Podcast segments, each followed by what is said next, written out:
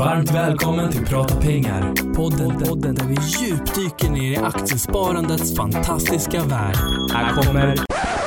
This is a podcast takeover. Holy smoke! Hey! What's going on here? Prata pengar-podden med Tove och Emily.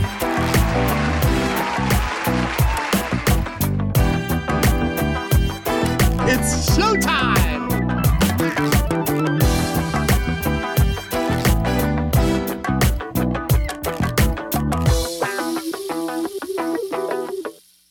Äntligen måndag och eh, välkommen till eh, Prata pengar. Det är ett nytt år och eh, nya möjligheter. Ja, men tack så jättemycket Tove. Det är jättekul att vara här. 2017 har vi nu.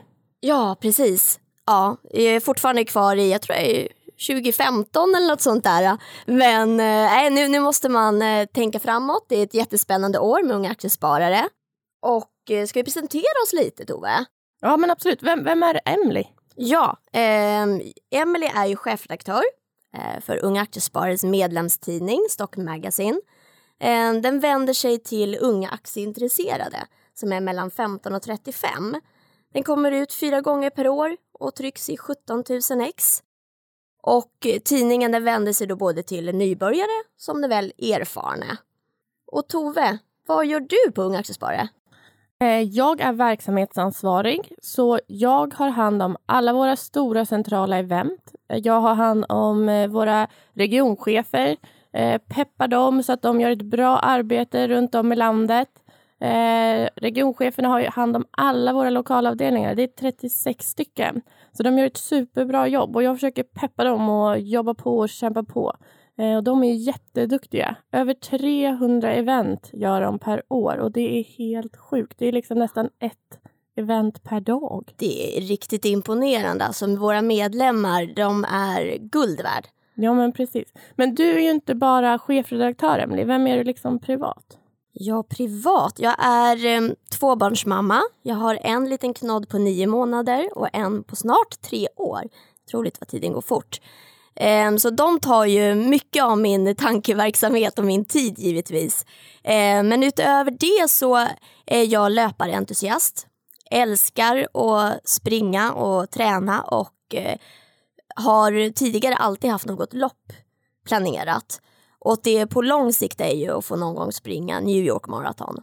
Det skulle vara grymt Gud, kul. häftigt. Ja, så träning och mina barn tar eh, mycket av min eh, tid. Och sen givetvis också finansbranschen, ekonomi och aktier. Jag tycker det är jättekul. Så man är ju på rätt plats när man är hos unga aktiesparare.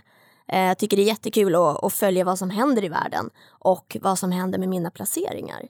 Mm. Ja, men vi följer ju det hela dagarna på jobbet. Det är det, i princip det vi pratar om på kontoret. Det är sparande och det är aktier och det är högt och lågt. Det är allt ifrån har du matlåda idag, bra, du har sparat pengar, till har ni läst om den här nya IPOn som kommer om två veckor? Kommer vi vara med? Ska vi vara med? Ja, Det det är jättekul. det är ju så himla eh, grymt att kunna få vara med varje dag på kansliet och eh, kunna få prata om det här. Eh, det, det känner jag verkligen, eh, man får vara glad över att kunna göra det på arbetstid. Mm. Det är många som inte har den möjligheten som vi har så det är verkligen en förmån.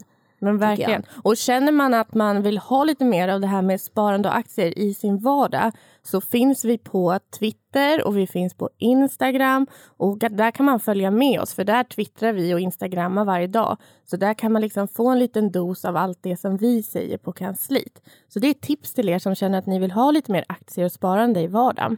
Följ oss på sociala medier tycker jag. Ja men det är ett jättebra tips Tove. För att det är som sagt, försöka komma med och vara med i den här miljön som vi har och den här, det är verkligen bra tips eh, om man inte som sagt jobbar här på kansliet. Vi är ju inte så många här. Nej, vi är ju Eh, inte det. nej. Men Emily, jag tänker att du är tvåbarnsmamma. Du bor i lägenhet. Mm. Du har en man, du är gift. Mm. Hur ser ditt sparande ut? Jo, ehm, jag sparar på flera olika sätt. Jag har både ett kortsiktigt sparande och det kortsiktiga sparandet det har jag på sparkontot. Och där lägger jag undan några tusen varje månad. Och det, det sparandet vill jag ha till livskvalitet i vardagen. Att kunna gå ut och äta en god middag med min man, att eh, kunna åka iväg på en resa, eh, ha kläder, kunna köpa kläder till mig eller till mina barn. Så det är det här kortsiktiga sparandet där jag vill kunna ta pengar här och nu. Eh, och då tycker jag att det är smidigt att ha det på sparkontot. Sen har jag även ett långsiktigt sparande. Och eh, det har jag då i aktier och fonder. Och där lägger jag undan också då en viss procent varje månad till eh, och låter det växa. Och där är jag inte inne och naggar varje månad utan det är ju långsiktiga sparandet som till exempel som man har till, till framtiden, till framtida pensionen. Och man tänker liksom, man blickar långt framåt, inte bara inom de närmsta veckorna. Mm. Och där blandar jag och har både aktier och fonder. Jag tycker det är skönt med den mixen. Att man både kan gå in specifikt i vissa bolag ehm, och pinpointa dem, men även att kunna ha aktier, vissa fond, fonder så att man kan ha ehm, vissa områden. Ehm, man kan välja sig tillväxtmarknader till exempel. Eller om man vill ha mer eh, norra, norra Europa och sådär. Eller kanske vissa bran- branscher också. Om man är intresserad. Men ditt kortsiktiga sparande, det är alltså det sparandet som du kanske tar av lite varje månad eller om ni ska åka iväg någonstans och så. Ja. Men det här långsiktiga sparandet och aktierna som du har där, vad har du för typ av aktier och fonder? Ehm, Jag har eh, till exempel så har jag ett litet hjärtebarn just nu ehm, som jag köpte tidigare i höstas som heter Probi. Mm. Som eh, jag eh, var väldigt nöjd med att jag köpte för sen kom det upp köprekar på dem också. Jag tror det var Affärsvärlden eller så som kom upp. Bland annat var flera som la upp eh, köprekar på dem. Och Probi, de, bland annat så har de Proviva den här äh, nyttiga eh, drycken som, som säljs i matvarubutikerna som har en härlig bakteriekultur som ska vara magens bästa vän. Ja, men och jag vet ju att du har lite problem med Ja, magen. Så det ja jag har, du... precis. Och det är ju det som man ska utgå ifrån. Vad man själv är intresserad av. Och jag har IBS och väldigt känslig mage. Och därför har jag nördat ner mig i bolag som jobbar mycket med eh, magen och, och tarmsystemet och så. Och då tycker jag Probi är väldigt bra. Och de har gjort en omlansering nu och gjort stor marknadsföringsinsatser med eh, Proviva. Och där känner jag att eh, det kändes bra. Den senaste rapporten kom ut. Så jag har jag byggt på och köpt lite fler av dem. Och det har ju gått väldigt bra i år. Ehm, så det är en av eh, aktierna som jag har som, som ligger mig varmt om hjärtat. En annan som jag tjatar ganska mycket om just nu är Sportamore. Gått upp eh, rejält i år. Ehm, och de satsar mycket på e-handel. Och som det- den löpare du är. Ja, som en löp, precis. Ehm, så känner jag att det är, eh, de säljer bra eh, funktionsmaterial, bra löparkläder och det är via e-handel. Och som eh, småbarnsförälder, och det är nog många andra också, så tycker jag att e-handel är klockrent. Jag har varken tid eller energi att springa runt i affärer. Och då tycker jag att kunna klicka hem det och, och få hem det istället för att gå runt i butiken är, det är perfekt för mig. Mm. Och du sa innan vi gick in här i studion att har du lite pengar kvar på din depå när månaden eh, börjar lida mot sitt slut så du, går du alltid in och köper lite mer Sportamore. Ja, absolut. För de är ju billiga om man tänker då relativt. Ehm, de kostar inte så jättemycket om man jämför med vissa andra som är storbolag som Phoenix Outdoor till exempel som har Fjällräven. De kostar ju väldigt mycket. Det är över 500 kronor per aktie. Och då kan man ju inte bara klicka in lite där och fylla på. Utan eh, då får man satsa på de här mindre bolagen ehm, som Sportamore eller Tobii eh, och kunna fylla på sin portfölj med. Så det tycker jag är väldigt trevligt Mm. och blanda. Eh, Tove, kan du berätta lite om eh, med ditt sparande då? Ja, Ehm, jag har ju inga barn, jag har ingen man, jag har en sambo. Och jag har ju inte alls hållit på med det här med aktier så länge. Jag köpte min första aktie sista augusti 2016. Så jag har inte ens varit med på ett halvår, så det är väldigt kort tid. Men eh, jag eh, började med att köpa bolag då som låg mig nära i vardagen. Och då hade vi pratat mycket aktier i somras när vi var borta på semester. Så jag var ganska taggad sådär när hösten började. Och eh, då pratade vi liksom om vad man har i sin närhet. Eh, pappa jobbar på Lifco. Eh, så då köpte jag Lifco. Vi pratar mycket om jobb hemma så jag följer pappa där på jobbet och hur det går för dem. Jag älskar att åka skidor och har gjort det sedan jag föddes. Så självklart Skistar. Det är liksom min bästa aktie. Jag älskar Skistar. Eh, och jag tror verkligen på, på Skistar. Eftersom jag är så pass mycket i fjällen så har man liksom sett hur Skistar har utvecklats de senaste åren. Och nu köpt mycket tomter uppe i Sälen vet jag. Eh, och de gör det även på andra orter, Åre och sådär. Eh, så jag tror att de kommer, eh, tror de kommer gå bra framöver. Eh, det känns lyxigt att kunna åka på skidsemester i sitt eget land tycker jag. Det är ett stort privilegium när man bor i Sverige. Eh, men annars så H&M såklart. Jag är ändå eh, tjej, köper mycket kläder. Du skrev ett jättebra reportage i senaste Stocken om deras hållbarhetsarbete. Ja. Och det tror jag mycket på framöver. För om modeindustrin ska förändras så tror jag att en sån stor aktör som H&M kommer behöva göra ganska radikala förändringar för att vara med och påverka och också föregå med gott exempel. Ehm, så det är också en aktie som jag, jag tycker är bra och det ska bli spännande att följa. Men eh, det är mitt aktiesparande och det ser jag också på lång sikt. Jag har ett mål att om kanske 10-20 år kunna köpa en bostad utomlands. Så det är det som de pengarna ska gå till. Ehm, och sen har jag också öppnat en kapitalförsäkring. Ehm, jag valde att öppna en kapitalförsäkring för mitt privata pensionssparande för att eh, jag hade pensionssparande på banken och jag började pensionsspara väldigt tidigt. För jag jobbade på bank, jag jobbade extra medan jag pluggade. Eh, och då började jag spara på ett privat pensionssparande. Så var det sån här skatte... Man fick ju tillbaka på skatten, det var avdragsgillt. Mm. Sen tog man ju bort det där.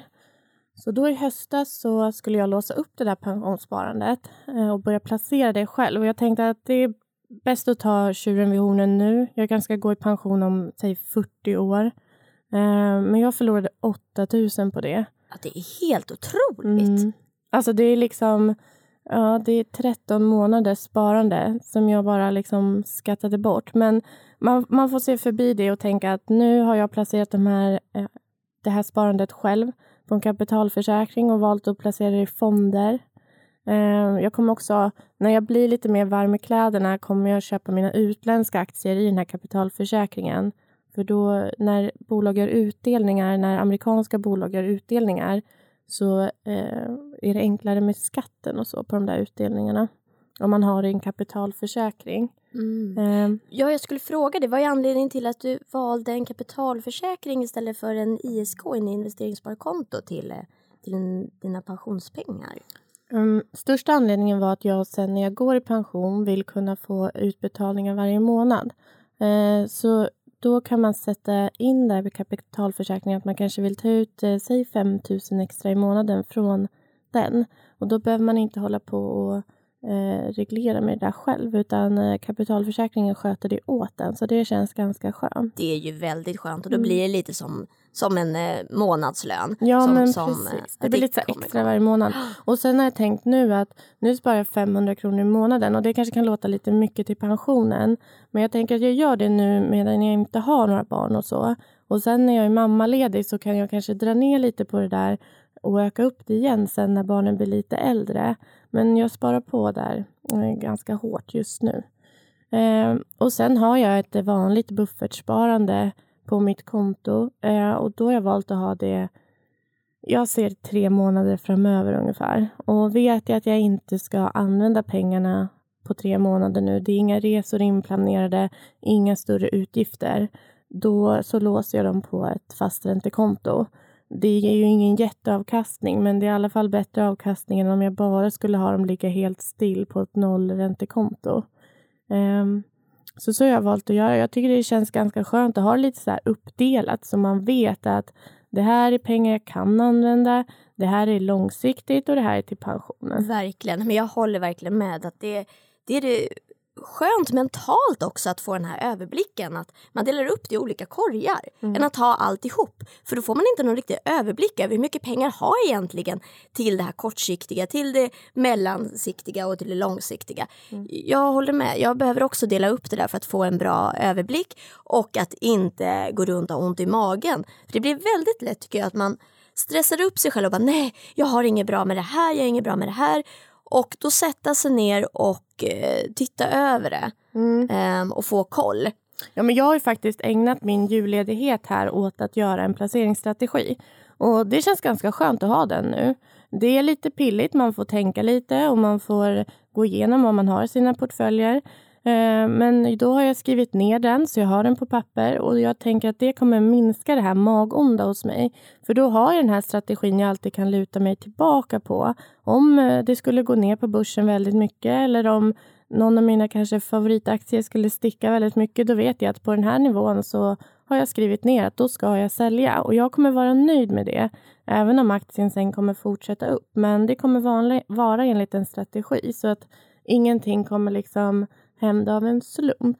Det tror jag är bra för annars tror Mm. jag mycket kan hända. Det är ju det här flockbeteendet som eh, alla har, det är ju mänskligt. Att om eh, det börjar rasa, Mm. ja vad är, vad, var, varför ska jag vara kvar? Mm. Det, det är väldigt bra att sätta upp så att man själv har en gräns. När ska jag sälja och hur länge ska jag ha is i magen? Och också se att men nu är det ju faktiskt rea på den här aktien. Nu ska jag köpa mer av den. Jag ska absolut inte sälja den bara för att den går ner.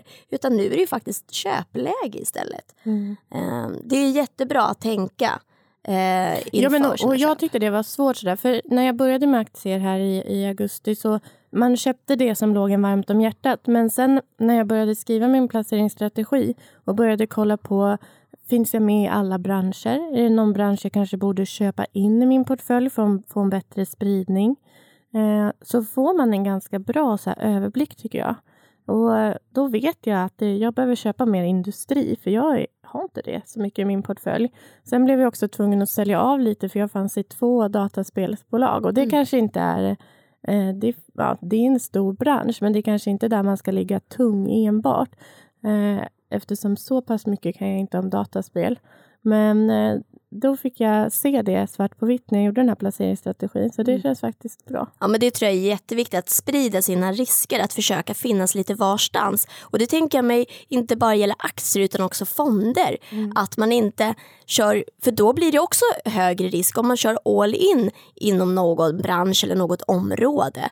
Eh, om man kör all in på Ryssland och sen så går det ner, då är det inte så kul. När jag var på en sån här aktieträff eller sån här tjejträff de hade på Avanza där Johanna Kull pratade. Och Johanna gav jättebra tips på hur man skulle sprida sig där i sina portföljer när det gällde fonder och vilka branscher man skulle vara i.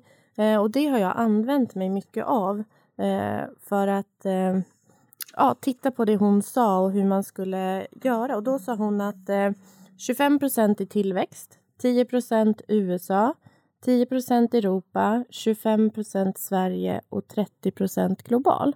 Och så har jag försökt utgå från det då när jag har köpt in mina fonder då i den här kapitalförsäkringen. Eh, och kapitalförsäkring är ju till pensionen. Så då försöker jag ha den fördelningen. Mm. Eh, och det känns skönt att ha någon så här tumregel att utgå ifrån tycker. Ja, verkligen. Och det där tror jag är bra för många nybörjare att anamma för de vet inte var ska jag börja. Jo men det, det är bra att lägga upp sådär procentuellt så sprider man eh, eh, risken och eh, om det går ner någonstans ja, men då går det förmodligen upp någon annanstans så det Ja, jämnar det ut sig. Men eh, dina barn då, Emily, hur, hur tänker du som mamma när du sparar till dina barn? Ja. Jag har ju privilegiet då att jobba på Unga Aktiesparare så man kan ju, vi pratar ju sönder och samman varandra med ekonomi hela dagarna. Ehm, Så för mig och min man som jobbar inom finansbranschen så var det självklart, det pratade vi redan om innan vi fick barn, att åh vad kul det ska bli att få barn sen, då ska vi skapa och bygga upp en portfölj för dem. Ehm, Både jag och min man hade själv eh, också privilegiet att våra föräldrar sparade till oss. Så det var självklart för oss båda att eh, vi även skulle spara till våra eh, kommande barn. Så när, när väl William då, så snart är tre år, föddes så hade vi redan eh, förberett en portfölj. Så när första barnbidraget kom in så satte vi in det eh, hos vår nätmäklare. Och eh, sen har vi successivt då varje månad när vi får barnbidraget så köper vi aktier för det. Och ibland så är det så att, det, eh, att vi bygger upp och kanske inte köper direkt varje månad. Utan ibland gör det kvartalsvis om vi vill köpa större poster. Men sparar ni ihop då barnbidraget på ett konto? Eller hur Ja, vi det? lägger över det direkt till ISK så att det finns där. Okej. Mm. Eh, eller vad säger förlåt, inte ISK. Där har vi faktiskt eh, kapitalförsäkring också, KF. Okej. Mm. Ehm, och anledningen till varför vi valde en KF istället för en ISK eh, när det gäller det privat, eller det barnsparandet, det är för att vi vill själva eh, äga pengarna. Om man säger så. Vi vill inte att våra barn ska ha pengarna i sitt namn. Utan våra barn, man kan, i en KF så kan man välja att de är förmånstagare. Ehm, så om det, gud förbjude, skulle hända mig eller min man någonting, då eh, går pengarna till dem. Men om man har en ISK så går, är ju det att barnen har, de har pengarna från början. Eh, Men har ni en kapitalförsäkring för varje barn eller har ni en för båda? Nej, vi har faktiskt en portfölj för båda. Och anledningen till att vi valde det är för att börsen går ju faktiskt ändå upp och ner. Eh, Man får ju vara realistisk där och tänka att det är ju inte roligt om det ena barnet får under sina första 18 eller 20 år en bättre resa än det andra barnet. Så därför valde vi att klumpa ihop allting till eh, en portfölj. Så att de här volatiliteten, den här svängningarna som kan vara på börsen inte spelar, då får båda vara med om den resan. Så att det inte är att någon får mer pengar än den andra på grund av att under de åren som till exempel eh, William började eller de åren i slutet där lilla minstingen Oliver får vara med, att det skenar iväg då. Så att vi har valt att ha allting i en portfölj och när barnbidraget kommer så eh, är det liksom lika för, för båda. Och det tycker vi känns väldigt bra. För annars att hålla på i efterhand på något sätt och, eh, så att det ska bli lika, det, det känns inte aktuellt. Så så gör vi. Så varje gång det, varje månad det kommer barnbidrag så stoppar vi in det på KFN. Och sen är det lite olika då om vi köper varje månad eller om det är kanske varannan månad. Beroende på vad det är som vi vill köpa. Eh, Men det är jätteroligt. Jag måste nästan erkänna att jag tycker det är roligare att spara till dem än att spara till mig själv. Ja, men du har ju sagt det, att du är bättre på, alltså, både vad det gäller andra privata utgifter, att du köper hellre kläder till dina barn, Ja. du spar hellre till dina barn. Och jag kan tänka mig att det blir lite sådär när man blir mamma, att man gärna vill unna sina barn det bästa, men Ja. kanske tar sig själv i andra rummet. Absolut, nej men verkligen. Nu, eh, innan så var det fo- fullt fokus på mig och eh, vad jag skulle ha i garderoben och eh, vad jag ville göra. Men nu är det ju att man vill göra saker för dem. Och det är jättekul och jag försöker som sagt att inte skämma bort dem. Eh, min man håller nog, han tycker nog att jag är lite väl ibland eh, sådär springer och, och, och köper men de behöver inte ha de där klapparna. Eh, jag var bland annat på Mall of Scandinavia eh, för förra veckan och Ja, jag gick nog lite väl loss på Disney Store. det var så jäkla kul där inne. Eh, så när jag kom hem så tittade min man på mig och sa att nästa gång så går jag in där och sköter, sköter inköpen. Eh, men eh, jag får väl ursäkta mig med att eh, sonen fyller eh, tre då i januari. Så att vi får dela upp klapparna lite. Det blir inte bara julklappar, det blir födelsedagspresenter också. Eh, men visst är det så. Jag, det är så mycket roligare att köpa både kläder och leksaker och boka resor och göra saker som de tycker om. Jag trodde faktiskt aldrig jag skulle säga det men nu börjar jag känna att det skulle vara kul att åka på sådana här Bamse-hotell och Lola Bernie-hotell. Och det, tro, det trodde jag aldrig. Men att se glädjen när de låtarna kommer igång och se att de är glada är viktigare än att åka till den där exotiska lilla ön där ingen annan har varit tidigare och Tripadvisor säger att det är den bästa stranden. Ja, Jag är mer inne på den här exotiska Ja, ön kan jag säga. ja. Bamseklubb ligger väldigt långt ifrån min Ja, jag värld. förstår det. Nej, men vi känner lite att vi är there, done that. Um, min man och jag älskar att åka. Vi åkte mm, varje vinter till någon ny exotisk plats och vill alltid hitta den där ön där ingen annan hade varit och eh, kanske inte ens fanns elektricitet. Men du, ditt aktiesparande och ditt sparande, du kom igång med det innan du fick barn va? Du har hållit på ganska länge, eller hur Ja, kom ehm, du igång med det där? Precis. Jo, ehm, det började faktiskt med ja, den som är min förebild ända sedan jag var barn är min morfar. Mhm. Han eh, har alltid tyckt det här med aktier varit så spännande och roligt och fört, försökt att föra över det till sina barnbarn. Och jag var väl den som eh, fastnade. Ehm, han köpte på 90-talet um, hm aktier till mig och min stora syster. Gud vilken snäll morfar. Verkligen, och de har ju fått ligga och gro och växa till sig och han sa att han ville att de skulle vara till när vi blev lite äldre och till exempel behövde ett körkort till bostad eller något annat. Och för mig blev det när jag och min man skulle gifta oss, gifta oss i Italien. Då så eh, använde jag dem. För han tyckte ändå det var viktigt att vi skulle använda dem till någonting. Annars så kan man ju låta dem faktiskt ligga hur länge som, som helst. Men han tyckte att vi skulle använda dem till någonting. Och istället då för att ge eh, jättemycket presenter och så, så gav han det här till oss. Men har du sen då, din morfar köpte H&M-aktier till dig när du var liten. Har du då fortsatt spara aktier sen när du blev lite äldre eller? Ja, precis. Mm. För att då fick han mig att tycka att det var så roligt och spännande med det här. Den, den eh, glädjen och så som han hade eh, förde han vidare till mig. Ehm, så att jag har ju alltid tyckt att det varit väldigt roligt. Och ehm, sen så har det ju blivit, jag är ekonomijournalist.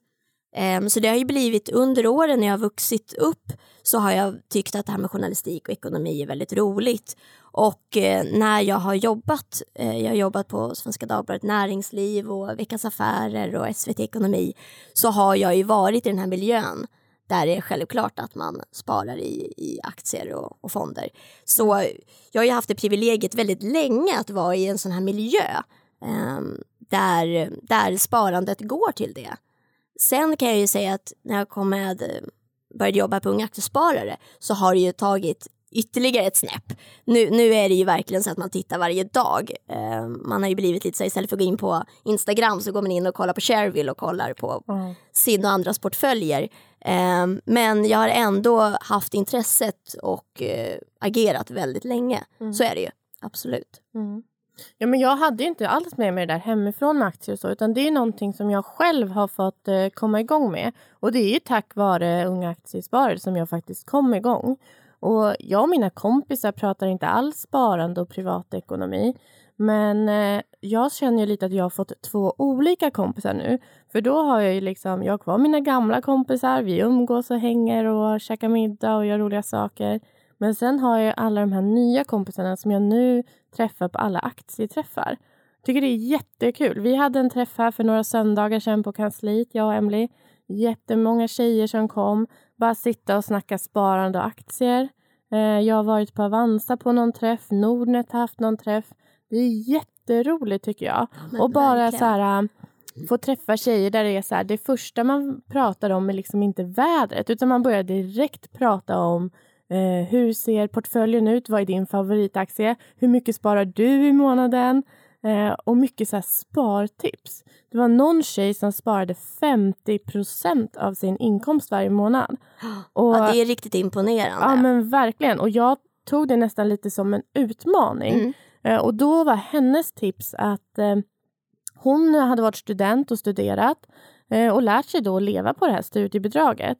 Och sen inte fortsatt, när hon då började tjäna pengar, att fortsatt öka sina utgifter. Utan hon då eh, levde kvar som man levde när man var student och verkligen tänkte igenom sina kostnader och försökte leva snålt. Men ökade sin inkomst så kunde då spara mer. Och det där tyckte jag var jättehäftigt. Jag kanske tyvärr gjort lite tvärtom. Att man började tjäna pengar och ju mer pengar man fick ju mer började utgifterna Absolut, öka. Absolut, men det tror jag är väldigt vanligt. Och det jag kan känna, eh, handen på hjärtat, var att efter att jag, när jag började jobba, då var jag ju så hungrig på att äntligen kunna få den här lönen och få ut och leva livet. Så att jag hade svårt att eh, bromsa och hålla igen. För jag var väldigt duktig som student och hade koll på allting. Och jag var inte så att jag hade jättetråkigt då. Och det var inte så att jag blev- heller blev lyckligare när jag började få lön. Ehm, men det blev bara så eh, per automatik. Och det kan jag väl säga, liksom, handen på hjärtat nu efterhand, att ehm, det hade kunnat varit bra att eh, tänkt till lite där och inte bara springa på i blindo ehm, faktiskt. För att jag var ganska, och det kan jag ju säga nu som förälder också, att man har, nu har jag ju mindre att röra mig med än eh, innan. Så jag tänker mig ett tips till dig Tove, nu, nu innan barn, när du har din, eh, bor med din sambo i lägenhet, det var ju de åren jag hade som mest med pengar. Ja. Och det kan jag ju säga nu i efterhand. Åkte alldeles för mycket taxi, alla de här korta grejerna som bara försvinner pengar på. Att åka tio minuter, jag bodde på Södermalm, åka tio minuter taxi dit, göra det. De här snabba grejerna är så himla onödiga och gör inte mig, gjorde inte mig lyckligare. Så att man tänker lite, spara krona och um, tänka till lite innan man bara gör de här snabba eh, Men har du något så bra spartips att dela med dig av? Ja, ehm, jo men det jag tänker mig som du nämnde om det med matlåda, att man tänker i vardagen. ehm, så, så tycker jag att det är bra till exempel då som sagt att försöka att inte äta ute lunch varje dag. Det kostar ju nu i Stockholm här så är det ju sjukligt dyrt. Det kan ju gå på en hundring varje, varje dag. Ehm, så Men vi har ju faktiskt en utmaning, det kan vi tipsa om. Vi har en utmaning här på kontoret eh, som började nu i januari. Där vi har utmanat varandra att ha matlåda med sig varje dag. Eh, och den som eh, förlorar, då har vi lagt in 100 kronor per person. Den som eh, då köper mat ute först förlorar ju.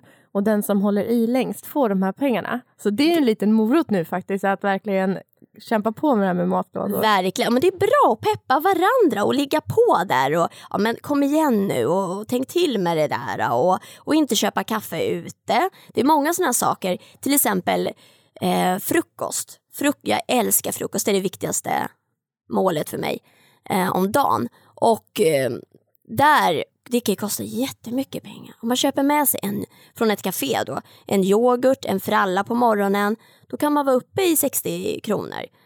Och det varje dag. Om jag då tänker, ja men jag kör ju matlåda, ja men jag käkar frukosten ute. Så försöka hela tiden att eh, undvika sådana små köp. Eh, det blir många bäckar små. Ehm, så det är väl ett tips som, som jag har, att inte hela tiden slentrianmässigt, det handlar väl om det. Ha kollen på din vardagsekonomi och inte slentrianmässigt att eh, ehm, köpa saker. Och Tove, du berättar ju om någonting som du gör, att du håller i kortet i veckorna. Ja men precis. Jag har försökt utmana mig själv att jag inte ska dra mitt kort. Eh, och då gäller det måndag till fredag eh, när jag går hem från jobbet. Eh, så då försöker jag ha matlåda varje dag. Och sen försöker jag helt enkelt att ska jag träffa någon kompis eller sådär, gör man det hemma, man käkar middag hemma med sina vänner eh, under veckorna. Sen under helgerna så får jag liksom gå ut och äta och kanske köpa saker och sådär. Men jag ska försöka att inte dra kortet måndag till fredag eftermiddag. Ja, Och det, det går ganska bra, men då krävs det att man har matlåda och, och kanske tänker till lite innan man köper någonting. Eh, sen så har ju jag eh, upptäckt det här med min mammas härliga garderob. Eh, mamma har jättemycket fina kläder, men som hon inte använder längre. Och jag har börjat sy om de här kläderna. Eh, jag är inte superhändig själv, men det finns skräddare och det kostar inte alls många hundralappar. Kanske 200 kronor kostar det för en klänning. Och sy in den lite och sy upp den lite och sådär. Och har fått jättemycket fina kläder av mamma. Så det är ett annat spartips. Och då kan man också, jag vet att tjejerna på Dreams hade en sån här byta grejer-kväll här i början på december. Eh, och det kan man ju ha med sina egna vänner. Ja, verkligen. Och det är ju jättebra. Det har faktiskt jag och mina tjejer haft lite då och då. Att vi träffas och så har man med sig kläder som man inte använder. Och det behöver absolut inte vara något fel på dem. Utan det kan bara vara att ja, men den sitter inte riktigt som jag vill. Det är någonting med den och så ligger den hemma i garderoben och dammar. Och det är så himla onödigt. Ehm, Jag fick till exempel ganska nyligen av en kompis en kofta som hon tyckte var för liten. Och jag är ju liten så den satt ju perfekt på mig och jag är jätteglad över den. Så att det är verkligen att, att byta med varandra, att ge varandra men även att låna av varandra.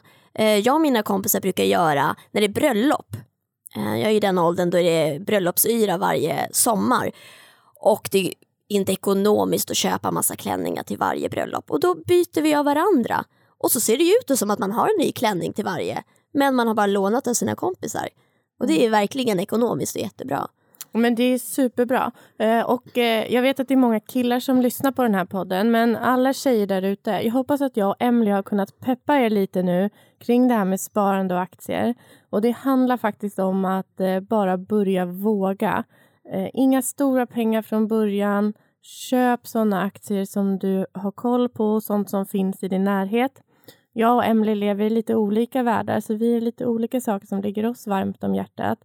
Men kolla runt omkring dig själv vad du har i din vardag som faktiskt finns på börsen också. Verkligen. Sen finns vi både på Twitter och vi finns på mail. Så vill ni ha tips eller vill ni ha lite extra pepp från oss så är det bara att höra av sig. Vi peppar gärna. Oh, vi ja. kommer ha fler tjejträffar här i februari.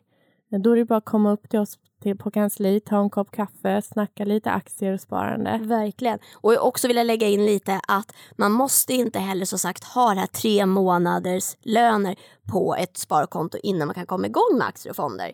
För helt ärligt, då hade jag aldrig kommit igång. Utan ja, det gäller att eh, absolut är det bra att ha ett sparande, en buffert, men man kan parallellt bygga upp en portfölj med aktier och fonder. Så att det gäller verkligen bara kom igång och börja smått. Och sen så kan det växa och så märker du att det är det här var jäkligt kul. Mm. Så det För det när man kommer grejen. igång så är det riktigt roligt. Ja, det är det. Det är Mm. verkligen kul att se sina pengar växa. Och ja, bara ge sig in där. Och eh, det är inte svårare än så. Det är Nej, vi levande exempel på. precis. Men tack så jättemycket för att vi fick låna podden Filip och Niklas. Det var jättekul. Ja, det här var jättegrymt. Mm. Så får ni komma med feedback eh, på Twitter på Prata pengar. Så tar vi med oss det. Mm. Hej då allihopa! Hej då!